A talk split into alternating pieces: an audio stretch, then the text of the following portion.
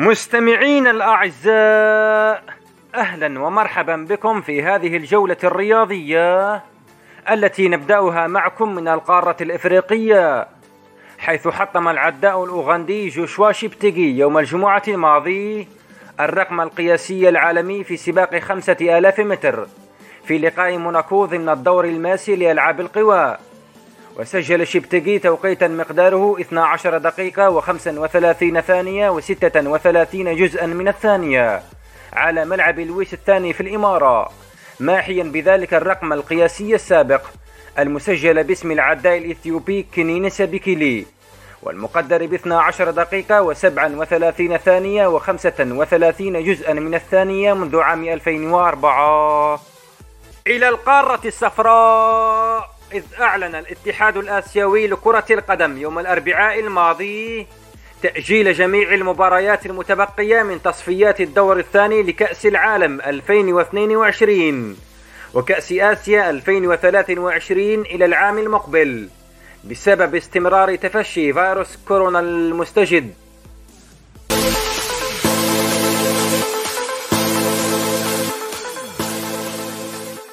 وفي القارة الأوروبية العجوز بلغت أندية لايبزيك وبايرن ميونخ الألمانيين وباريس سان جيرمان وليون الفرنسيين الدور نصف النهائي لمسابقة دوري أبطال أوروبا. وسيواجه نادي لايبزيك في المربع الذهبي نظيره باريس سان جيرمان فيما سيقابل بايرن ميونخ نادي ليون.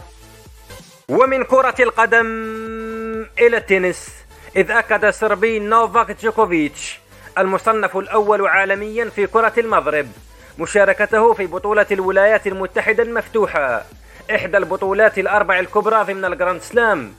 وقال جوكوفيتش على حسابه في تويتر أنا سعيد للإعلان عن مشاركتي في بطولتي سنسيناتي والولايات المتحدة المفتوحة للتنس هذا العام.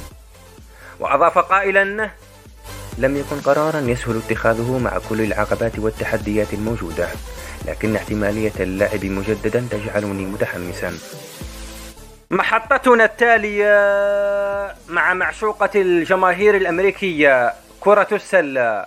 إذ حجز فريق بورتلاند تريل بليزرز آخر بطاقات ال playoff في دوري كرة السلة الأمريكي للمحترفين بعد فوزه مساء يوم السبت الماضي على ممفيس جريزليز ب 126 نقطة ل 122 وسيواجه بورتلاند تريل بليزرز في الدور الأول فريق لوس أنجلوس لايكرز ومن كرة السلة إلى رياضة الفن النبيل حيث قالت مجلة ذا رينج أن النزال الاستعراضي المرتقب بين بطل العالم الأسبق في وزن الثقيل الأمريكي مايك تايسون ومواطنه روي جونز تأجل إلى الثامن والعشرين من شهر نوفمبر القادم. وهو الذي كان مقررا في الثاني عشر من شهر سبتمبر المقبل. وحسب المجلة الأمريكية المختصة في الملاكمة فقد تقرر تأجيل النزال بعد أن أكد معسكر تايسون إمكانية زيادة إيرادات المباراة بتأجيلها إلى موعد لاحق. مستمعينا نختتم جولتنا الرياضية معكم بهذا الخبر. ففي سابقة هي الأولى من نوعها. حصل فريق بالدور البرازيلي لكرة القدم. على تصريح رسمي بإشراك بعض اللاعبين الذين ثبتت إصابتهم بفيروس كورونا. في مباراة رسمية بالمسابقة التي انطلقت منافساتها بداية الأسبوع الماضي. وأفاد موقع جلوبو سبورتي البرازيلي على الإنترنت أن نادي أتلتيكو غواياننسي حصل على تصريح بمشاركة أربعة لاعبين مصابين بفيروس كورونا. في مباراة الفريق التي لعبت يوم الأربعاء الماضي أمام فلامينغو بالدوري. وأوضح الموقع أن النادي المنتمي لمدينة غويانيا بوسط البرازيل نال الموافقة على الدفع باللاعبين الأربعة الذين ثبتت إيجابية عيناتهم في اختبارات الكشف عن الإصابات بفيروس كورونا. وأكد النادي أن اللاعبين الأربعة وصلوا بالفعل إلى المرحلة الأخيرة من عملية التعافي من هذه العدوى بعدما استكملوا كل إجراءات الحجر الصحي خلال الفترة الماضية.